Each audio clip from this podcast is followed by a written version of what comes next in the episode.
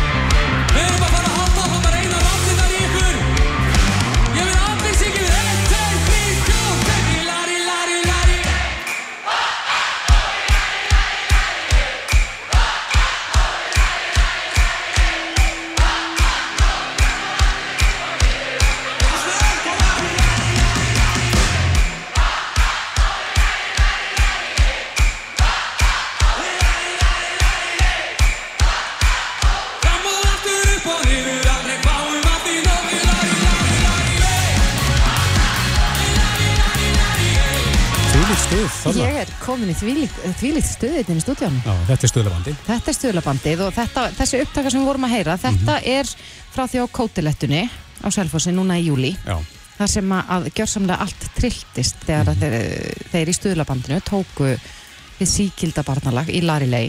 já, En það sem ég komst að bara núna e, fyrir skömmu síðan er að lægið er upphaflega gefið út af brasilískri tónlistakonu og heitir Ilarie kannski svolítið eins og Ilarilei eins og við segjum það en e, ansi óvænt atbyrður fór í gang sem gerði það að verkum að stuðlabandið er hennilega að springa út í Brasilju já, stoppar ekki, sko, stoppar ekki símtölinn til Nei. hljónsetta meðlima.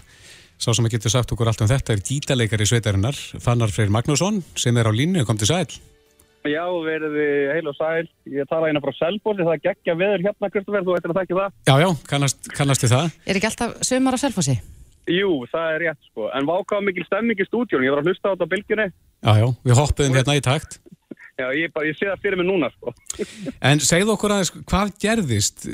Se- Settu þið þessa útgáfa á netið? Já, á ekki bara fara svona stutt yfir þetta. Jó, endilega. Sko, við vitum öll hvað söngaborg er og hvað það gerði fyrir okkur. Já, Og þetta var hérna hverju einasta heimili og siggabændi eins og þau. Við hefum þeim mikið að þakka. uh, í Lari Lei, þetta hefur verið svona rísandi síðustu árin. Stjórnin er búin að vera að spila þetta mikið og sigga. Og þau gerðu ótrúlega flotta útgafu af læginu.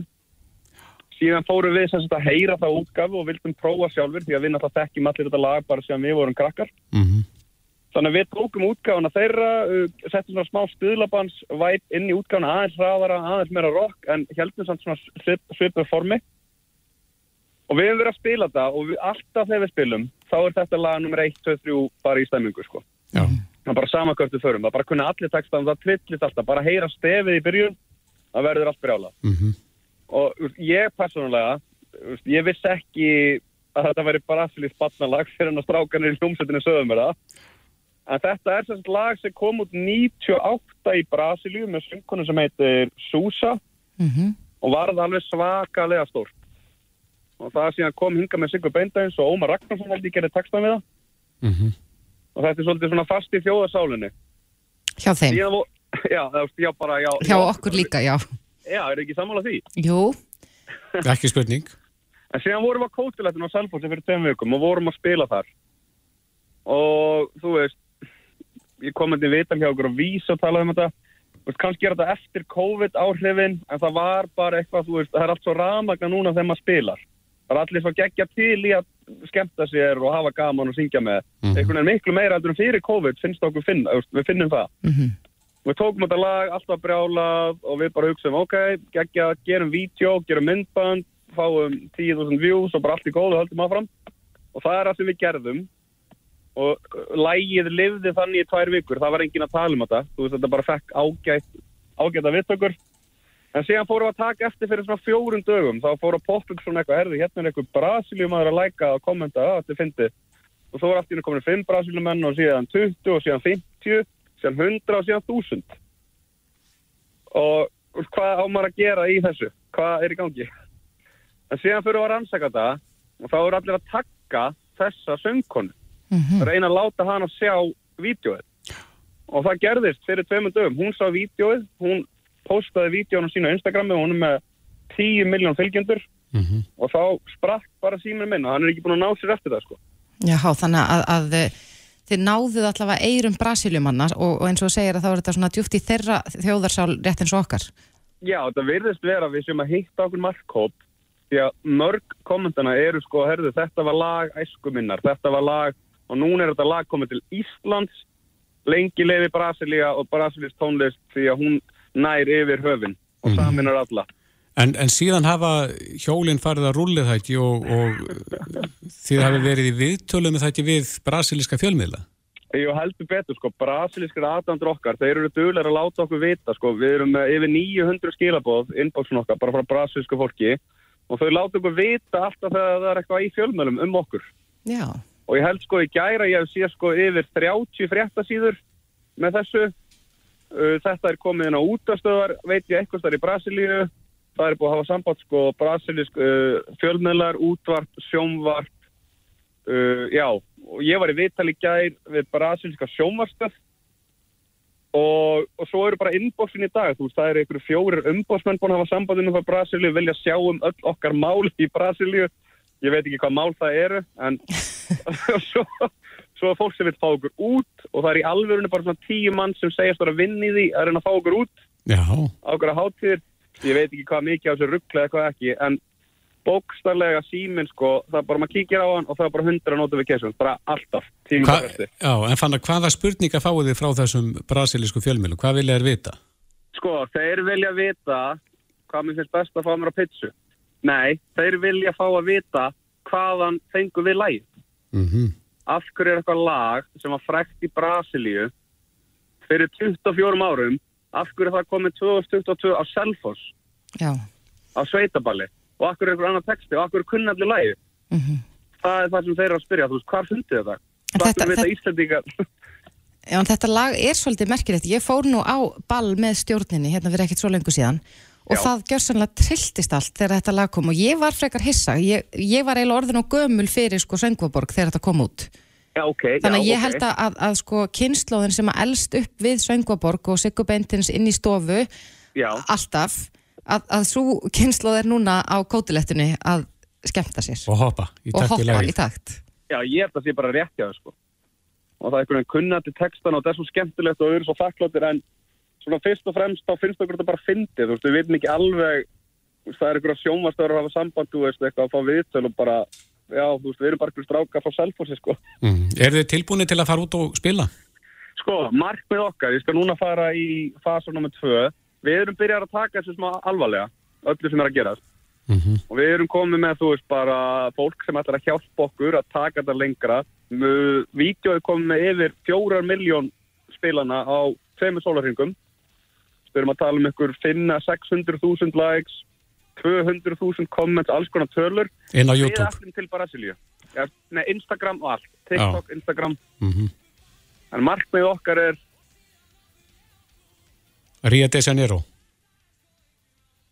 Nei, Nei, datt fannar út. hann datt út. Vonandi er hann ekki farin til Brasilíu. Er, ertu að það? Veitu, er ég komin? Ég skrappa eftir Brasilíu. Já, akkurat. tilbaka, hvernig var? Já, það var heldur gaman. Nei, ég ætla að segja að við ætlum til Brasilíu og við ætlum að gera hvað sem við getum til að komast til Brasilíu og spila þar. Og taka íslensk lög fyrir brasilíst fólk. Já, herru, það er bara gott að stefna að því. Gaman að heyra, þetta er skemmtileg saga svona eh, á þessum tíma í, hérna á Íslandi. Já, þetta sýnir manni hvað heimurinn er lítill. Hann er það og hefur, er alltaf að minka með hverjum deginum. Það minkar bara minkar. Bara, já. Fannar Freyr Magnússon, við fylgjumst með ferðarlegin ykkar ef þið farið til Brasilíu. Gaman að heyra. Vil ekki koma með? Jú, við skellum, bylgjulestin kemur með. Kjöt kveði hátíð, já, bylgjulestin í Brasilíu. Já, nákvæmlega. Takk fyrir þetta, Fannar. Góða helgi.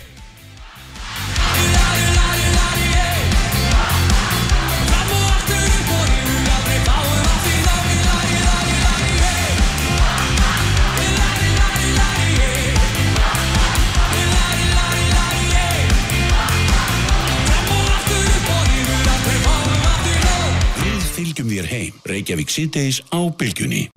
Þú ert að hlusta á Reykjavík C-Days podcast. Það gís á fullu og uh, eins og var í fyrragósinu að þá er verið að vara fólk við uh, gasmengun af völdum gósins. Já, sko, vindáttin á að snúast eh, núna sýtis í dag og, og samkvæmt gasdreifingar spá viðustofi Íslands uh, að þá mun gasið berast í nokkru magni yfir voga á Vasslösströnd setna í dag. Og svo er talað um að, að eh, já, þetta munu síðan snúast og, og jafnvel berast hingað á höfuborgarsvæðið En þetta getur haft ímis áhrif, fólk er na, bara beðið um að forðast áreinslu utan dyra og þeir sem hafi tök á haldi sig innan dyra, reyna að anda engungu í gegnum nef, loki gluggum og slökka loftræstingu og þar fram til göttunum. já. En það er spurning, hvaða áhrif uh, þessi, þetta gas hefur á líkamann? Gunnar Guðmundsson, sérfræðingur í lúnalækningum og professor við Háskóla Íslands er á línunni, kom til sæl. Já, komið þið sæl. Já, hver eru einkennin eh, ef að fólk er farið að líða fyrir þessa gasmengun? Já, að í svona gas eða í svona gósmekki þá eru margvíslega gastegundir og í mismiklu magni og það sem við erum langt mest að hugsa um er brennisteinsdióksíð. Það er það sem er svona kemur upp í mestu magni og, og það er þá fyrst og fremst ertandi fyrir slímhúðurnar og húðina þannig að fólk myndi finna fyrir svona ertingu í augunum og, og í nefunu og hugsalega svona eins og hálsbólgu en ef þetta verður í mjög háum styrk að þá getur þetta farið alveg niður í lungun og valdið þar haft áhrif þar Já. Og Eh, þetta á fyrst og fremst við um fólk sem er eitthvað svona viðkvæmt í öndunafærunum fyrir með öndunafæri sjúkdóma eins og asma og slíkt Mm En þeir sem eru ekki viðkvæmur uh, koma þeir til með að finna einhver, einhvern erting? Já, það er mjög ósennilegt sko það fyrir það sem er áleggjum almenningi og sérstaklega þeim sem að búa þessum stöðum það sem er nú búið það er að fylgjast með á loftgæði.is að skoða mælana þar eins og er núna þá er allir mæla grænir og svo er þarna flipi á síðinni þeirra sem er viðbröði loftmengum frá eldgósum og þá er hægt að, að hérna, lesa sér til um hvað maður er að gera. Já, þannig að maður sér þessa, um, þessar mælingar breytast og ég sé að þetta er allt frá sko mjög góð loftgæðu upp í óholl en maður sér þetta eitthvað breytast að þá ætti maður að reyna að breyðast við með þeim hætti sem að líst er þar. Já, fara þarna í flipan viðbröð við loftmengun frá eldgósum og bregðast við að þann hátt sem að það er. En Akkurat. svona, það, sko, í fyrsta lagi þá er þetta lítið gós og, og sem betur fer ekki mikla, mikið að koma á gósum og, og síðan er náttúrulega þessi svæði eru það langt í burt að verður gríðarlega þinning á þessu þannig að það er ósennilegt að verði mjög há gildi sem betur fer. Já. En uh, nú þekkjum við þessa grímur, COVID-grímur, virka þær eitthvað í barátunni gegn þessu? Eh, Nei, það þarf miklu hérna, meiri grímur heldur en það í þessu. Já, en nú höfum við aðeins verið að tala um að, að sko gasi gæti borist til byggða, en, en hvað með ágóð stöðunum ef maður er að, Já, það, það er miklu meiri hætta þar og sérstaklega þeir sem að fara mjög nálagt og til dæmis ef að fólk er að fara í gegnum góðsmökkin þá getur verið alveg umtalsvert þar. Og ef að fólk er að fara í lagðir og alveg að gósstöðvanum ekki, er ekki í kring að þá getur þetta hugsanlega haft áhrif þar og þá myndir fólk finna þetta sem við vorum að lýsa að jafnvel þeir sem eru heilbriðir þeir geta alveg fundið fyrir svona ertingu á í augunum og, og, og í húðinni og slímhúðanum í munninum þannig ef fólk finnur eitthvað svoleiðis og þá ætti það að vera á varbergi Já. He hefur þetta einhver langtíma áhrif ef maður, já, kannski fylgir ekki þessum leiðbenningum að vera ekki að, að uh, liggja í læðunum og, og andar miklu á þessu að sér? Nei, það er nú ekki talið verið en það vantar sárlega rannsóknir á því. Það er, hérna, við vitum ekki mjög mikið um það en, en til dæmis þegar að hólurhraunskósi var það sem var miklu, miklu hæri styrkur af þessu og þá voru starfsmenn og þeir voru rannsakaður og þeir fundu fyrir svona ertingu en þeir hafði engin langtíma áhrif hjá þeim. Þetta var bara lítill hópur og þeir voru náttúrulega nota mjög góðar varnir. Þannig að við bara vitum ekki sérstaklega um það en það er bara betra að vera bara varbergi. En í síðasta gósi fundu þið sérfræðingarnar í, í þessum málum og læknar, fundu þið eitthvað tipp hjá fólki sem að þurft að leta sér aðstofur? Nei, það var nú ekki, ekki mikið um það að þeir sem að eru, eru hérna, með lungna sjúkdama voru endilega mikið að fara þannig og ef þeir fóru þá fóru þeir þegar þeir voru í góðu ástandi og voru að taka lifin sér reglulega og svona. Þannig að fólk passaði sér vel á þessu og, og við, það sem við finnum helst er að fólk er dugleira, ennþá dugleira en áður að nota lifin sín þegar að svona kemur. Þannig að það er bara mjög gott að taka lifin sér reglulega og eiga ná að þeim fyrir þá sem þurfa á þeim að halda. Já, en, en Gunnar áðan uh, rættur aðeins um þá sem að uh, glíma við asma og fleira í þeim dúr en, en hva, hvað með börn til dæmis? Eru þau sérstaklega viðkvæm fyrir þessum gösum? Já, sko, hérna, þessi gös eru þingri en andrumslofti þannig að þeir liggja lágt, þeir liggja alveg við jörðina. Og börnin eru náttúrulega lagri á hætt heldur við þeirra öndunafæri eru miklu nær jörðinni. Þannig að þau eru að lappa sjálf og svo anda þau hraðar líka börn þannig að það er meiri meiri hætta fyrir þau. Og svo eru lungunni þeim ekki full þroskuð og full vaksin þannig að það er það eru svona talið að þetta geti haft áhrif og en enn á nýfi vitum kannski ekki endilega mjög mikið um það. Nei, það vantar rannsóknir á þessu. Já, þannig að það er bara betra að fara valega. Já. Já, það eru góð ráð inn í helgina, það eru eflust margir sem ætla að leggja leið sinna inn í Meradali og, og uh, ja, skoða eldgósið með eigin augum, en Gunnar Guðmundsson, sérfræðingur í lúnalækningum og prófessor við Háskóla Íslands, kærar þakki fyrir þetta og góða helgi. Takk sem leiðis. Þetta er Reykjavík C-Days podcast. Hins einn dagar fara núna fram um allt land Já. og uh, í dag uh, var blásið til viðburðar í, í Veröld húsi Vigdísar og þar voru kynntar niðurstöður umfangsmikillar rannsóknar á stöðu hins einn fólks á vinnumarkaði. Þessi rannsóknir er fyrsta sinna tegundar á Íslandi og, og uh, niðurstöðunar, ég fylgdist með þessum fundi með öðru augunni, eru mjög áhugaverðar, nokkuð sláandi og ímislegt þarna sem að kemur manna á óvart. Já, Freyrik Jónsson, formað BHM er komið til okkar, uh, velkomin.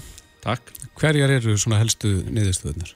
Uh, helstu niðurstöður eru uh, kannski þær að, að hérna uh, merkilegt nokk þá er mismun- mismunun Mhm. og örlítil kaldan í þessu hjá mér. Uh, það er, uh, við sjáum í það, í gerðum, uh, kannski best að ég lýsi könnun, könnununum aðeins uh, fyrir ykkur. Það var annars vegar var verið að vinna upp úr gögnum og skattskíslum verið semst að vinna, vinna úr gögnum sem að þegar þetta sjá ekki á skattskíslu hverjir eru samskattaðir og eru, eru, hérna, eru samkjöfniðir sem gerir það að verkum að þýleitinu til er þe þe þessi fyrirlutu hérna, uh, rannsóknar er, er takmarkaður þá við homolesbjur uh, hinn hluti eh, hérna versin sem við kynntum í dag það er könnun sem var 850 manns tóku þátt í sem er einhver stærsta könnun uh, hins, uh, hjá hins eginn samfélaginu um bara stöðu á vinnumarkaði. Þannig að þá niðurstöður og þessu, þessu tvenni sem við erum að kynna í dag. Við erum síðan að halda áfram með könnun og erum að vinna með þá hins, hins eginn samfélaginu til þess að ná til he, he, svona heildarbreyttarinnar í flóru hi- hins eginn samfélagsins. Og, og hérna enn og aftur til þess að fá betri gögn, betri upplýsingar og meira til þess að vinna úr. e, það sem við sjáum í þessari fyrstu könnun e, emitt, gagkinni eða kallar uh, standa best uh, fá, uh, eru með hæstu, hæstu meðalunin og eftir þeim eru það uh, koma lesbjörnar en það er ekki mjög mikill munur á þeim og homunum en þær eru samt uh, með hæstu meðaltekjurnar Mhm. og síðan reyka gagkinnheðar konur lestina uh, svo eru aðrilsari punktar í þessu líka við sjáum að, að hérna uh, munurinn á milli gagkinnheðra og samkinnheðra kallmanna er velur, hann er um og yfir 30% samt eru a- að jafnaði almennt mentari þetta eru gagkinnheðar kallar, við sjáum sko mentunastíð hjá gagkinniðum köllum er eitthvað starfum uh, já það er hérna hlutall háskólamentara gagkinniði kallar er 36% meðan það er yfir 50% hjá homum En þeir fá samt 30% læri laun. já og þeir eru en sko það sem er svo aðdýlisert við þessa könnun og ekki bara fyrir hinsegin fólk, í raun og veru bara fyrir jafnbreytis baranduna almennt að hún, hún, hún, hún berar hvað ennþá er eftir hér af kynjuðu vinnumarkaði að því að við erum nú átt að berja okkur á brjóstur og við höfum náðu svo langt í jafnbreytisbaráttunni Mhm. svo gerur svona könnun eins og þessa og, þá, og þá, þá svona stekkur fram úr könnunni enn og aftur veistu að þrátt fyrir allan árangunum sem við höfum náð þrátt fyrir allt sem við höfum verið gert að þá, þá, þá er þessi kynjaða markar, hann er, hann er þarna ennþá hann er, og hann er ekkit endilega pundið í því lífræðilega kyn að því við vitum það sem í gegnum þessu gögnum annað að homar til dæmis eru mjög mikið að vinna í það sem kallað væri hefðbundin kvennastörf. Þannig að þetta talar inn í sko, aðra vinnu á jafnbreytti, í, í, í jafnbreytismál Mhm. virði kvennastarfa til dæmis sem fórsetisraðandi let vi- vinna. Bara, hérna, hérna færði enn eina sönnun á því. Að bara í gegnum áratugin og aldirnar Mhm. þá, þá er, þá er va markvist vannmat á virði ákveðina tegunda starfa Ef við streikum aðeins undir, gagginniði kallar eru með herri laun heldur en samkynniði kallar Mhm. en samkynniðar konur eru með herri laun heldur en gagginniðar konur. Já, Er það með eitthvað kenningu? kemur, kemur aftur inn í þetta, þetta er við ættum að skoða sem dýbrána, en þarna líka kemur inn í það þá, þá, þá eru hérna eru lesbyrna kannski meira að fara inn í störf sem kallast hefðbundin kallastörf aftur ítir þetta undir ímyndina af, af, af kynjum, kynjum vinnumarkaði. En þráttir það samt eru er, er, eru það svona að meðaltalinu að fá lægri laun heldur, heldur en kallarnir þannig að enn þá, enn þá er það þannig og, og þú veist, enn og aftur fáum við sönnugögn í hendunar sem sína að hérna jú, við gagkinniðu kallanir, við höfum forskot sem er í raun og verið ekki þetta raukstiðja uh, með neinum hérna með efnislegum hætti. Hvernig Þeir bara Svo ég- bara, svo ég bara mjög blátt áfram. Það, það, það að pissa standandi á ekki að vera forsenda hérna, hérna, hérna Herri launa. hærri launa. En við sjáum það líka, þarna eru ég meina, þú veist, við horfum á störfi í fjármálageiranum sem eru oft mjög kallæg eða veist, eru herramittin heldur en hérna, hels, störfi helskjæsli, kjenslu, þjónustu, umönnun og svo framvegis. Þannig að hérna enn einn enn einn sönnum þess að þráttur allt sem við höfum náð að gera, allan árangurum sem við telum okkur ánáð, það er nóg eftir að gera. Og við hljótum að vilja vinna og þess vegna skiptir svo miklu máli að vinna svona, vinna svona kannanir, vinna svona rannsóknir vinna svona gögn, með betri gögnum með betri upplýsingum þá getum við vonandi un- un- unnið að betri lausnum m- móta betri stefnu, hvað sem er fyrir verkefælisfélögin eða hagsmunasamtökin eins og samtökin 78 og, og ekki síst fyrir stjórnvöld.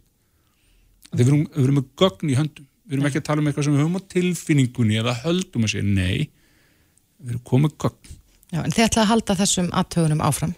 Já, sjálfsögðu, þannig, þannig að, og það sem er gott í þessu, við byrjum í þessu í vetur, síðastliðin vetur, uh, uh, BAM með samtökunum 78, skrifum undir samkomulega í janúar, við erum búin að vera að velta þessu fyrir okkur frá því fyrir áramót, skrifum svona samkomulega og settum að staða þess að vinna í vetur, það sem er að, og, og, og, og gerðum þessa könnun, við erum að vinna með Hafræðstofnun Háskóla Íslands og núna erum við búin að fá e, e, ASI og BSRB er komið með okkur í, í, í verkefnið við erum líka við erum að vika og gera það starra og, og, og næsti, næsti fasi verður við komum með formlega skýslu sem sagt í haust og þá verðum við búin að greina gögnin betur fara niður á eh, hérna, fara líka niður í, í, í, hérna, í, þessa í, aðra hópa innan hin- hins einn samfélagsins. Sérstaklega skoða málefni transfólks þess að það er eitt af því sem er mjög sláandi í þessari könnun, könnun sem við náum út úr, út úr könnuninni. Uh, það, er, það er stað á upplifun transfólks það upplifir sig hérna uh, hérna uh, hérna, uh, tökum sem dæmi hérna, hérna hversu, hversu opin getur fólk verið með hins einleika sinni í vinnunni? Já, tefla 50% uh, hérna hlutild opið fyrir öllum hjá, hjá, uh, skallaði sís hjá, hjá, hjá, uh, trans þá er það, þá, þú veist, það er næstum helmingur meðan það er þriðjungur hjá trans. Uh, ef þú ferði í hérna uh, upplifun og óvinnandi og ummælum og forvitni að þá er hérna uh, 45% uh, homo lesbía meðan það er hjá transfólkinu 64% þá svona óvinnandi ummæli. Og hérna veist, þetta er svona svo kannski það sem að hérna uh, aftur er sláandi hérna hlutild ánæður með stefnu stjórnvalda 61% uh, hérna hins einn fólks homo, homo, homo lesbíur já, er nokkuð sátt, það er 22% transfólks. Þannig að hér augljóslega greppir skóin og hérna þannig að, þannig að aftur, þetta gefur okkur gögn upplýsingar vitneskja. Gefur okkur, gefur okkur betri tól og tæki til að takast á við, við þar áskarunum að það hlýtur að vera þannig að við viljum öll búa í réttlatra samfélagi. Það, það vill engin mismuna fólki en þú veist, einhvern veginn liggur þetta svona kerfislægt, liggur Er ja, þetta, fyrst, meðvitað en líka ómeðvitað og, annað, og, og þetta hjálpar okkur að vinna, vinna á því. Er þetta fyrsta konuninn af þessu tægi? hér á landi fyrsta og í raun og veru er- hefur ekki verið mikið gert að þessu á elendu vettvang, ekki svona, það hefur verið gerað mikla rannsóknir í bandarækjunum, en ekki kannski alveg svona. Við síðan var að koma út sambærileg konun hjá dönum bara fyrir mánuðið að tvemi síðan, sem tala svolítið sama við þetta. Mm uh, en, en diftin sem við förum í í framhaldinu höstur er, er, er, er, er tiltölulega nýtt Já, þetta þannig að nú skiptir máli fyrir fræðin almennt líka einmitt, þannig að nú er þið komið með mið, viðmið, svona Já. þegar að þessi konun er gerð síðan aftur setna, Mhm. á hvaða ferðalagi við erum. Já, hvort að, að því að núna með gögnunum þá getum við kannski uh, unnið að því með hagsmunarsamtökunum og, og, og, og með stjórnvöldum, hvernig getum við, hvernig getum við bætt og orðið betri og svo já, svo endur tökum við að skoðum aftur gögnin og svo erum við að ná þeim árangri sem við erum að vonast til að ná eða þurfum við að stilla af og, og, og, og laða til. Þannig En þessi, þessi rannsók sem þið gerði á skattaskýslunum, það væri ekki hægt að- já, rannsaka þetta aftur í tíman og jú, það, og í raun og veru sko ef við förum inn í skýslan að vera með, það hefur verið að horfa til mjög langs tíma en það sem að var aðtilsvert að vera að skoða skattagögnum, ég held að verið alveg aftur til 2003 hana, þá mikið af þessum hlutvöldum voru bara, þau breyttust ekkert. Og hérna en, en það fyrir við nánar í í, í, í, í, í henni endalegu skýslu og fyrir við, þá við í bólakafi alls konar svona aðtilsverða aðtilsverð smáatriði en hérna, en enn og aftur svo er líka sko, bara til að bæta að, að þessum upplýsingum koma út úr þess að til dæmis áhrif heimsfaraldus þegar við vorum að skoða tekjundurana þá, þá var með 2019 svo, fórum við, vorum við að spyrja út í áhrif heimsfaraldus að þá er hérna þá er til dæmis hæsta hlutfall atvinnuleysis í hérna eh, meðal þessara hópa í, í heimsfaraldri. Jú, allir kallar 27,5% allar konur 23,3% lesbíðuna 19,5% homannir 37,2% atvinnuleysi. Hvað veldur því? Þá, mikið, mikið, mikið í þjónustu greinum og öðru svona þessu sem að í þeim, þeim, þeim atvinnugreinum sem eruðu vest út í COVID þannig að það hallaði á homana í já, þessu? já, það hallaði það hallaði á, á, á, á, á þá í heimsvaraldi Er ekki kannski vegna fordóma, heldur bara vegna stöðu, Nei, vegna, stöð, vegna, vegna, vegna þess að atvinnuréttum sem þeir hafa valið sér, ég meina það- þetta er oft svona klassísk, hvar, hvar eru homar að velja, velja starfsveitun, jú, oft í þjónustörfum. Uh, klassíska með flugþjóninn og, og, og, hérna, og, og kaffibarinn skiljiði, svo sem að tala aðeins í stereotypunum, en emmi þetta sýnir það, þarna, af, þau, þau sem störfuðu þarna, þau eruðu, hérna, eruðu vest úti. Þannig að það er stærra hlutfall homma sem vinna í þessum geirum heldur en kannski innan, innan, inn, innan síðan, já, meðal gagginera kallmanna eh, sem er að vinna í svona þjónustunum sem eru ítla út í COVID. einmitt. Þetta er aðdeglisvert. Já, og það verður mjög aðtilsvært að sjá síðar að við getum borðið þetta saman til þess eins og þú segir að reyna að gera betur. Já, það er enn og aftur, það sem er mikilvægt í þessu er einmitt betri gognum, betri upplýsingum, betri greiningum og getum við vonandi unnið betur fyrir okkar umbjóðundur bæði við verkalýsrengin og, og, hérna, og síðan eins og fyrir samtökin 78 glemir því ekki að öll sem eru hins veginn eru nú flest virkir þáttekundur á vinnumarka þannig, að þannig að þau eru okkar fólk líka Einmitt. Friðrik Jónsson, formaður BHM, kæra þakki fyrir komuna. Takk fyrir mig Þetta er Reykjavík C-Days podcast. Við erum búin að vera að tala um gósið og, og auðvitað eru allir fréttamiðlar stútfullir af nýjustu fréttum og myndum en uh, það er eitt sem við veltum fyrir okkur og það er uh, já, hvort að Grindavíkur bær má segja, hagnist eitthvað á þessu? Já, við höfum náttúrulega heyrt að það hefur fjölgað í bænum og Grindavík er nú sá áningarstaðu sem að held ég vel flesti sem var að leiðin upp á góðstöðunum. Já, eflust margir sem að stoppa þar og. Jafnvel kaupa sér nesti, Já. fá sér kannski ís eða kaffi eftir gönguna. En það spurning hvort að bærin sjálfur uh, verði var við þetta uppgrip og, og hérna tútna þess út eða hvort þetta sé bara aukin kostnaði fyrir bæin. Á línunni er bæjarstjórnin sjálfur, Fannar Jónasson, kom til sæl. Já, sannverði. Já, hvernig lítur Excel-stjál bæjarins út? Er þetta uppgrip fyrir bæin? Já, Excelin er hansi góður sko, það spurning hvað við ætlum að byrja með stórt skjál, Mm en sko, sérfræðingar í, í ferðarþjónustun og landsvísu, þeir segja okkur að Elgósi sé alveg gríðan að mikið landkynning og, og allir þannig seg gjötur í stekni fyrir þjóðabúið og, og hérna, viðskipt og jöfnurinn hagstaðu hvað það varðar Já. og einhvern tíma hún tölur í svona um það byrj þeim þreimur mánuðum mestar að gósi byrjiði fyrra sem að og það var einhver fræg erlend rannsók sem að hérna, eða frægt fyrirtæki sem að laði mat á það hvað, hvað það myndi kosta að auglýsa. Landiðis mikið eins og gerðist sjálfkrafa með þessu eldgósinu það voru táum 50 miljardar og það saman nú að gerast núna. Þetta er orðið bara þekkt mjög víða. En og áhrifin af þess verður náttúrulega kannski mest hérna á Suðunesjónum í kringum flugvöllin og og, og áhrifin nánu örglega velin og höfuborgarsvæði líka. Og hvað var það Grindavík? Þá þá er hérna þetta bara mjög mikið trafík. Það er sko söður strandarvegurinn sem átti að liggja hérna fyrir norðan byggðina hann eh, var aldrei kláraður á sín tíma og þess að leggja hann þar en, en á meðan að það þanga til að hann kemur að þá líkur öll trafíkinn gegnum bæinn þannig að náttúrulega sko reynasti ferðarmæður sem er ágóðstu að hann keiri í gegnum Grindavík aðra hvora leiðina og þannig séður þetta mikið að gera hérna og ferðarþjónustu aðeilar okkar hér, veitingastæðir og vestlanir eh, finna mjög jákvæða eh, hérna ströma hér inn og þannig að fullt að gera.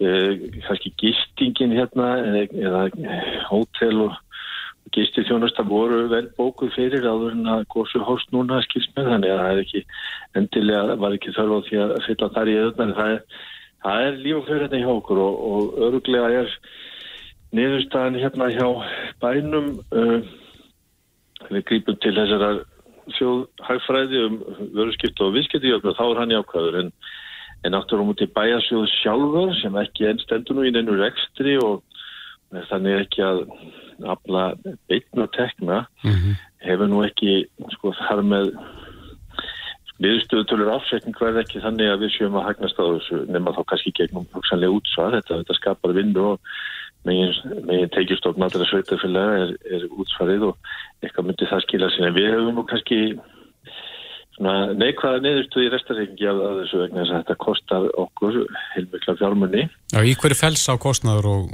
og útgjöld? Það er, við erum hérna með þjónustu meðstu áhald og spæjarinn sem að vinnur á alls konar verkefni til þess að að leysa mál. Það, það er til dæmis fólk frá okkur sem har koma núna á góðstöðu. Það er ekki rúmið tveir sólarringa síðan að þetta hófst og það er verið að fara með tæki og tól til þess að bara svona bjarga hérna, svona fyrstu, leysa fyrstu verkefnin. Við erum með sérstaslökkvili hérna sem gegnir náttúrulega mikilvægi hlutverki líka og okkar fræði og öfluga Björgunarsveit Torbjörn, við styrkjum hana náttúrulega með ráðum og dálbæði með beinum hættu og óbeinum. Og þetta er, þetta er húsið þeirra hérna og miðstöðin Þorbjörn er miðstöð bara fyrir allar Björgunarsveitur og aðgerðir, aðgerða og viðbrasáðum bæjarins. Og einstakar stofnarnir bæjarins þær eru undir svona vissu álægi og, og, þrýstingi og við erum að kaupa hérna heilmikla sérfæði þjónustu ymsu tægi og, og verktakavinnu líka og, og alls konar búnað bara, við erum með svona neðavarn og almannavarn búnað, við erum með sérstaka almannavarn nefnd í Grindavík sem er svolítið sérstatt, yfirleitt er þetta næri til í stærra svæði. Og það kostar þetta kostar sitt, þannig að að þegar við reyndum að leggja mat á það hver væri í neikvað restra miðurstæðar som að segja út af þessu. Í fyrra þá er það kannski 50-60 miljónur sem að bærin ber en það er ekkert sem við erum að, að hvart undan en þetta er bara eitt af því sem að lendir á okkur og við reynum að sinni sem við mörgulega getum og, en erum kannski svolítið að draga vagnin einhver leiti fyrir önnur sveitafjölu sem að er ekki með, með eldgós í bakgarðinum og, og bara þannig er nú staðan þannig að, að það er ekki beitt hagnaður en við bara þögnum því þegar fyrirtekin gengur vel og ef það er restur hagnaður hjá þeim og þá borgar þeir tekjuskatt en hann sá reynir alltaf til ríkisjórs. En sérðu fyrir þið fannar að, að bærin geti að einhverju leiti nýtt sér þetta svona til tekju öflunar? Ég held að sko bæjarfélagi, bæjarsjóður sé ekki að hugsa það einhvern veginn að afla tekna. Við reynum hins vegar bara að koma til móts við fyrirtækir okkur þess að við getum þannig að þau geti haft þær aðstæður hérna sem að skapa tekjur og, og, og, og bara vinna vel að því að bæjarfélagið okkar sé í stakkbúi bara til þess að mæta þessum, þessum fólksfölda hérna en við ætlum ekki að fara að sælast í einhver viðskipti, ég heldur bara vonum að gangi vel hérna hjá öllum og íbúið líði vel í eigin skinnu og fyrirtekjunum vegna vel og þá er samfélagi bara sem slíkt e, sjátt og held ég ánægt með þetta. En fannar þeir hljóta að hafa fundið vel fyrir auknum ströymi. Ég held að við vorum að, að, við vorum að fara yfir það hér áðan að samkvæmt, uh, mæla borðið ferðarþjónustunar hafa uh, fórum 4.000 og eitthvað manns upp að góðstöðunum í gær. Er ekki mikill ströymur í gegnum bæinn? Já, það er mikill strömmur. Þetta eru, það, það er ekki allir sem að mælarnir ná ekki að góma alla sem eru að fara hérna um þetta sveið og náðu flestum, þannig að það eru eftir fleiri. Við merkir þetta náttúrulega bara á bílunum.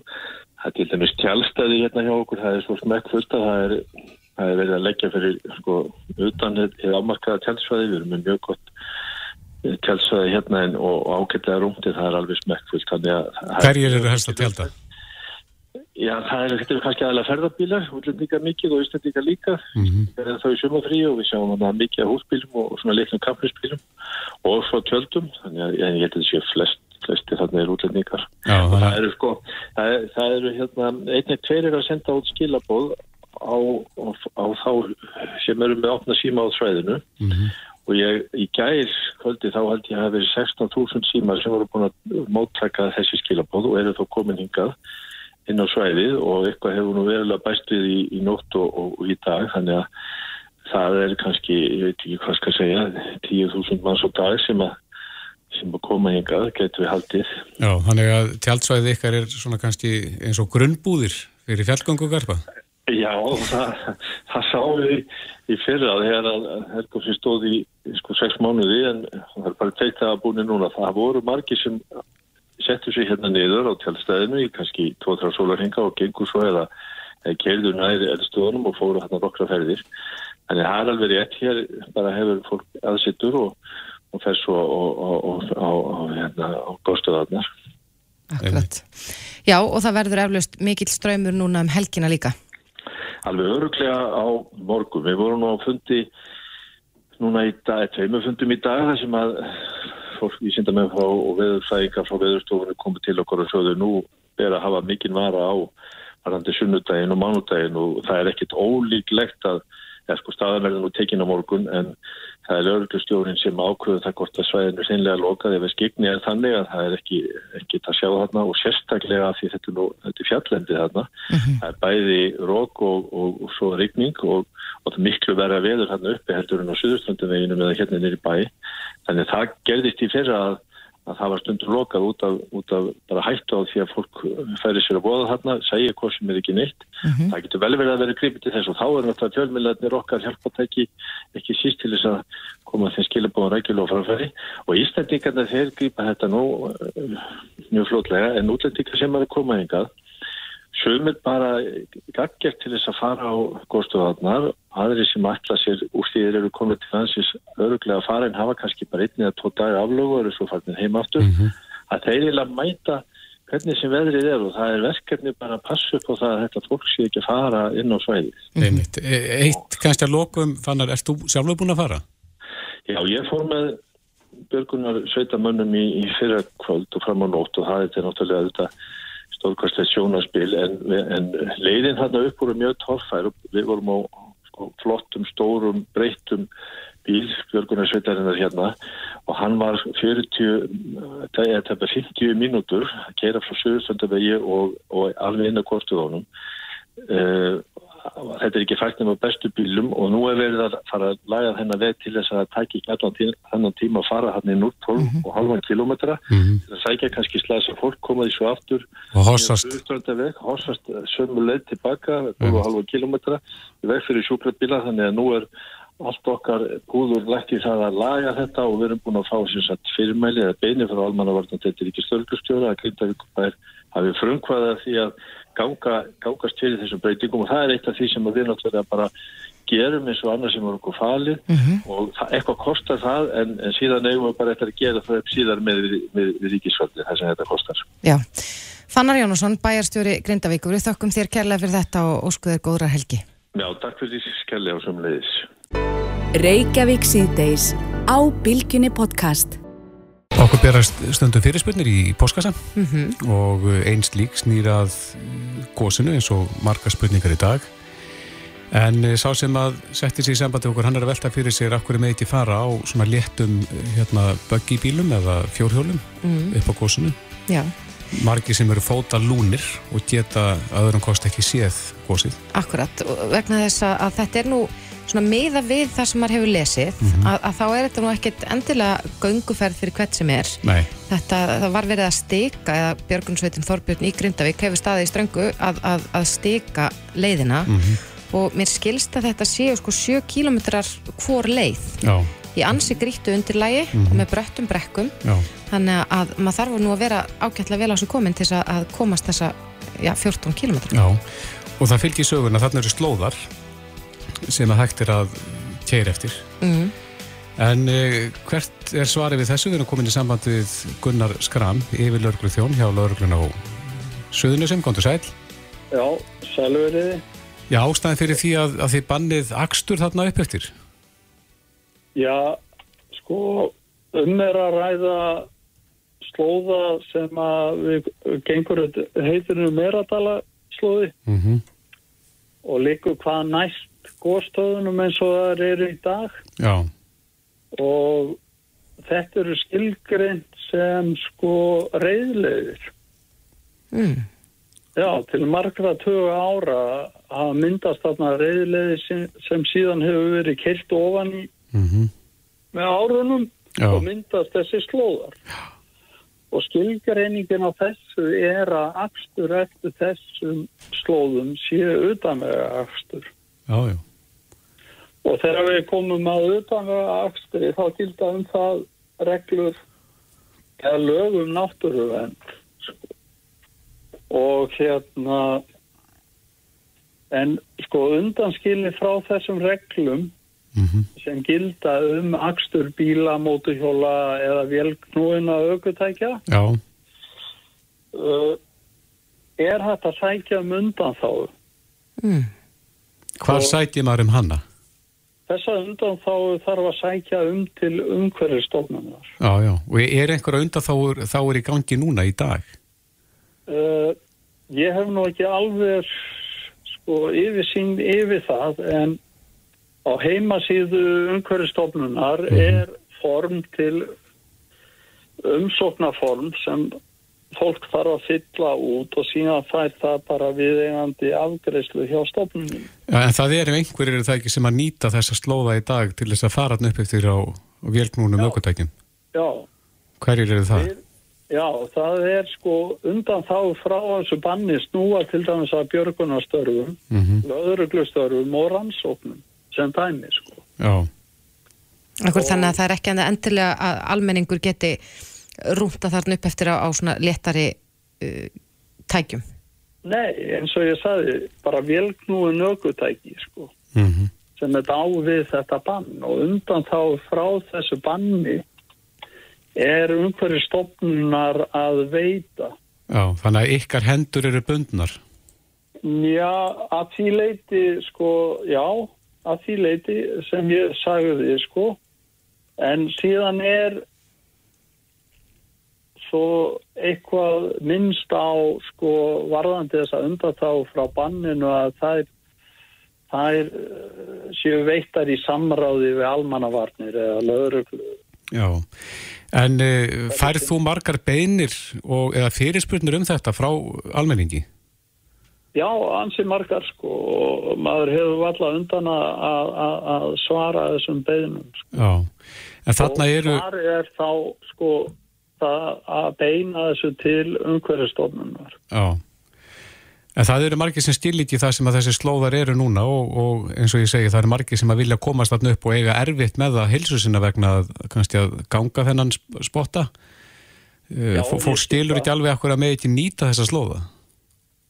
Sko, það sem að sko eins og ég sagði, viðbraðsæðilega gagvart hérna, slísum og ópum sem verða á svæðinu. Þetta er, þetta er svo leið sem við nótumst við og, og hérna og eins og ég segi, þetta eru nú bara slóðar sem að grafast fljótlega niður og, og, og reynslan hefur sínt að þau verða bara torfarnir á köplum eða mikið er ekki um það Mm og þar að leiðandi fylgir líka sko tiltekinn dekkjastærið á bílum sko sem miðast við 35 tómu dekk. Já, sem að meiga fara þarna eftir slóðanum. Já, til þess að hérna valdi ekki þannig skemmtum á vegum eins og við höfum reynslu af að, að þessi leið var orðin bara torfarin um tíma sko. Já. Já, já. Þannig að Þetta er nú svona helstu svör sem ég get gefið að þá að þessari stundu sko. Já, þannig að þeir sem eru vel á sig komnir geta gengið og, og, og svo skilt manni líka að þessi brjá, brjála að gera í, í þyrluferðunum Já, já, að það er hægt að sjá þetta að ofan. það í loftinu. Já, en ekki allir sem hafa ráð á því. Nei, en það, það er margt um mannin að hjá okkur í dag þrátt fyrir að veðu sé nú ekki ákjósanlegt. Já. Er eitthvað, eitthvað sérstök, sérstök tilmæli frá ykkur til fólk sem allar að leggja leið sína þarna á góðstöðarnar? Já, fyrst og fremst er að hafa sko kynnt sér á kortum sem við er hægt að finna með þessar tilteknu göngulegir sem við höfum stikað eins og þið myndust á. Mm Í gerðkvöldi náðist að klára að, að stika göngulegir sem kölluð er að, sem margir þekkja, Já. að þessum nýju góðstöðum. Og, og við beinum því til fólks að halda sig við þessar tilteknu góðslegir. Mm -hmm. göngulegir að góðstöðunum, sko. Akkurat. Það auðvelda líka okkar starf viðbrasaðilega ef eitthvað kemur upp á og þannig að en síðan er náttúrulega þessi, þessar almennu reglur sko með útivist. Fólk þarf að vera vel, vel búið til útivistar, skófatnaður við hæfi og, og, og, og fleira. Sko. Já, og eflust líka mjög mikilvægt að vera með nesti þar sem að þessi ganga getur samkvæmt Björgunarsveitinni Þorbirni tekið, já, 5-6 klukkustundir í það minnsta. Já, ég segi svo leið sem að er greiðfærust núna og liggur að góðum útsýnist að elgósin er um það byl sko 6,5 kílómetri aðra leiðina. Já, Með hækkunu þá 200-300 metra og, og þá ertu komin í sko, já vel 13 kílómetra göngu og, og og svona upp á fjalli er þetta grýtt á köplum og, og hérna þannig að fólk þarf að vera undirbúið fyrir já, 5-6 tíma göngu og ekki endilega auðvelda. Nei, já það er gott að minna fólk á þetta fyrir helgina en eh, Gunnar Skram yfir lauruglu þjótt hjá lauruglunni á Suðunesjum Kæra þakki fyrir þetta og góða helgi Já, takk sumulegis. Hlustaðu hvena sem er á Reykjavík C-Days podcast. Þú sprettur alltaf upp annarslægið umræðan um uh, hoppjólin, þessi raf hlaupahjólin. Það ringdi maður í símatíma til okkur um daginn sem að uh, sagðist að hafa verið á ferðalagi Erlendis og fannst mjög sniðið svona fyrirkomulagi þar að þar þurftu, þurftu þeir sem að legðu svona hjól að skila þeim á ákveðin svæði. Og þannig að það er miklu meiri snirtimennska í kringum þetta og þessi hjól liggja þá ekki eins og hráfið út um allt. mm og það hefur verið eh, já, talsverð frétta flutningur undanfarnar daga þessu en Frankáttastöru Hopp uh, hún sagði hér í viðtala við vísi í vikunni að uh, það væri graf alvarlegt að fólk skulle leggja þessum eh, skuttlum þannig að það sé að stopna fólki hættu og að, að þau eru að íhuga að grípa til sekta. En hún segir jafnfram þarna að uh, Reykjavíkuborg hafi komið upp fimm svona raf hlaupa hjóla stæðum Já. í sumar Mhm. sem hafi verið mjög mikilvægt en það þurfir hennilega meira til Já, akkurat. En eins og maðurinn líst þessu hérna fyrir okkur um daginn að þá heldur leigan áfram þar að segja ef þú skilur hjóli bara eftir eitthvað staðar Mhm. skilur þeim ekki á þetta ákveðna svæði að þá er bara ti- tikkar gjaldmeðlinn áfram Já, Alessandra Brím er formaður skipulags og uh, umhverfis og skipulagsráðs Reykjavíkuborgar. Kom til sæl. Já, hæ, hæ. Já, hefur þetta komið til tals hjá ykkur að koma upp uh, alfarið, einhvern svona drop-off stöðum ef ég sletti nú aðeins?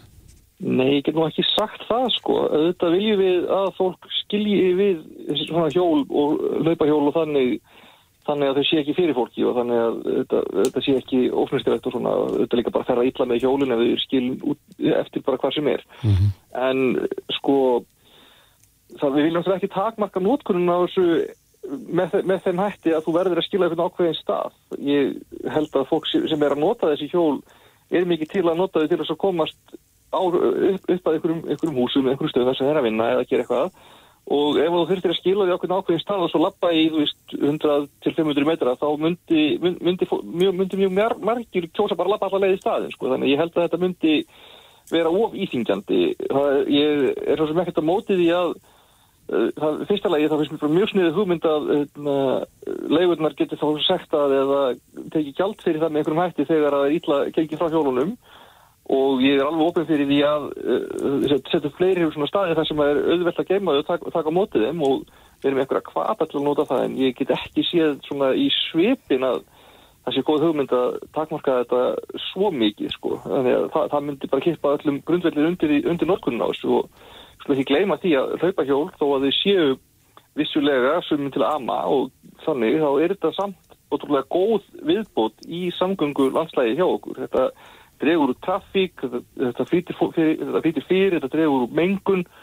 Það er bara mjög gott að fá þetta inn í flóruna. Það sem við erum að gangi gegnum núna er pínu svona aðlögunar tímumbil þar sem fólk er bara svona að átta sig á þessari viðbót við uh, samgöngu flóruna. Og sumir eru ennþá bara að venjast í hvernig á að ganga um þetta og það er bara það, er ímislegt sem að þarf að svona venjast og bara læra líka í þessu já. En, en Alexandra, hvort væri það á sko herðum borgarinnar eða hopp að Já, til dæmis bara koma fyrir einhverjum smá stæðum við ofnbyrra byggingar, við strætostoppistöðvar og, og fleira í þeim dúr, þannig að fólk allavega svona, já, ef það vill se, setja það á réttan stað, þá geti það allavega. Ívilegt er það þá á herðum þess aðila sem að reykur það byggingu og er þá með það land sko. og við opinbæra byggingar þá er það yfirleitt þá borgin eða ríki eftir atvikum en hérna, þetta getur við sett upp einhverja skilmála en eh, og, og sett leift reksturinn með einhverjum ákveðum skilmálum en ég, ég held ekki að ég myndi vilja íþingja þessu eins mikið og sumar af sem hugmyndum eru. Ég held samt að það sé mjög góð hugmynd að vera með sko hjólastæði og hlaupahjólastæði jafnvel sko við verið að tala um að það þurfi að vera svona lokanleg rými, svona hjó, hjóla geimslur sem fyrir fólk sem er á það sínum eigin búnaði, bara ekki hvort það er hjól eða hlaupahjól eða rafhlaupahjól eða hvað til þess að fólk geti svona í, þegar það fer inn í vestalamiðstöð eða stóra vinnustad eða ofnbæra byggingu geimt það og án þess að oftast að það verði verið stólið eða verði fyrir skemmtum eða veðri og vindum þannig að eh, það, þetta er alveg eitthvað sem við erum að hugsa sko en veist Já, ertu þá að tala fyrir geðu, Alessandra, ertu þá að tala um uh, raflöpi hjól sem fólk á sjálft? Já, já, þú veist, já, fyrst og fremst er ég talað um það sem fólk á sjálft, en það er alls svona aðstæða gæti alveg tekið til greina uh, sem sagt svona leigu, leigu bara ef við myndum uh, líta á það þannig, en sko, ég held, að, ég held ekki að við viljum afmarka notkun rafleipahjóla leiga þannig að þú verður, að ski- ver, verður alltaf að skila með eitthvað ákveðin stað, ég held að það myndi það, það verður alveg forsendubrestur á rekstri slíka leiga, sko. En þetta er, maður hefur séð það á undanförnum örfáum árum hvernig notkurinn hefur aukist til muna og, og maður allavega svona já, hugsar það að þetta sé komið til að vera. En svo sér maður að það eru borgir í kringum okkur, kaupmannahöfn og fleiri þar sem að, að reynilega búið að bara loka fyrir þetta. Það, þessi hlaupahjól komast ekki alveg miðsvæðis í mörgum borgum heldur að það verði gripið til þess hér ef að ástandi batnar ekki. ég á bátt með að sjá það fyrir mig sko. það þurfti að vera svona töluvert til þess að það færi að líta út eins og ásæðanlega laust sko. ég er allavega ekki mjög persó, persónulega er ekki mjög hrifin af bóðum og bönnum til þess að leysa vandamál Nei. Notar þú svona hjól mikið? já, ég nota, það kemur alveg reglulega fyrir ég, ég, ég segi ekki, ekki hverju, hverju mánuði en það gerist alveg. Mér þykir oft þægileg leið til þess að komast á milli staða.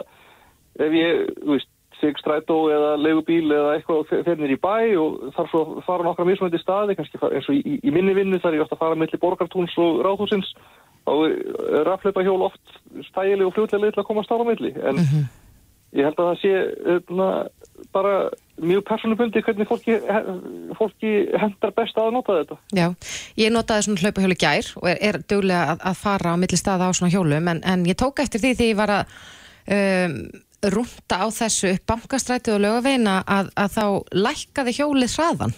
Er það nýtilkomið? Eh, Þekkir það út af því að áður gatt maður nú farið alveg upp í 25 en, en nú er eins og þessi búið að lækka hraðan ákveðinu svaðinir í 15 Ég þekki það ekki nákvæmlega ég Það hefur ekki verið í tengslu við borgaryfjöld Uh, það gæti verið en ég er til dæmis nýkomin í þetta starf og get, þá, þá hefur það kannski bara farið fram hjá mér en ég, það hefur verið mikið í umræðinni að á svona, hvað séum við uh, stöðum þar sem er mikið að fólki að gangi og svo leiðis að þá eigi að takmarka hraðan og það getur, ég man ekki hvort að það var gert á okkar uh, hjá, hjá, hjá, okkar hálfu eða bara eitthvað sem fyrirtækir ákváðu sjálf en ég get alveg trúið að einhverjir að séu núna farin að læ- lækka hámarsraðan svona það sem er mikið að fólki á göngu Já, á ákveðni svæðum.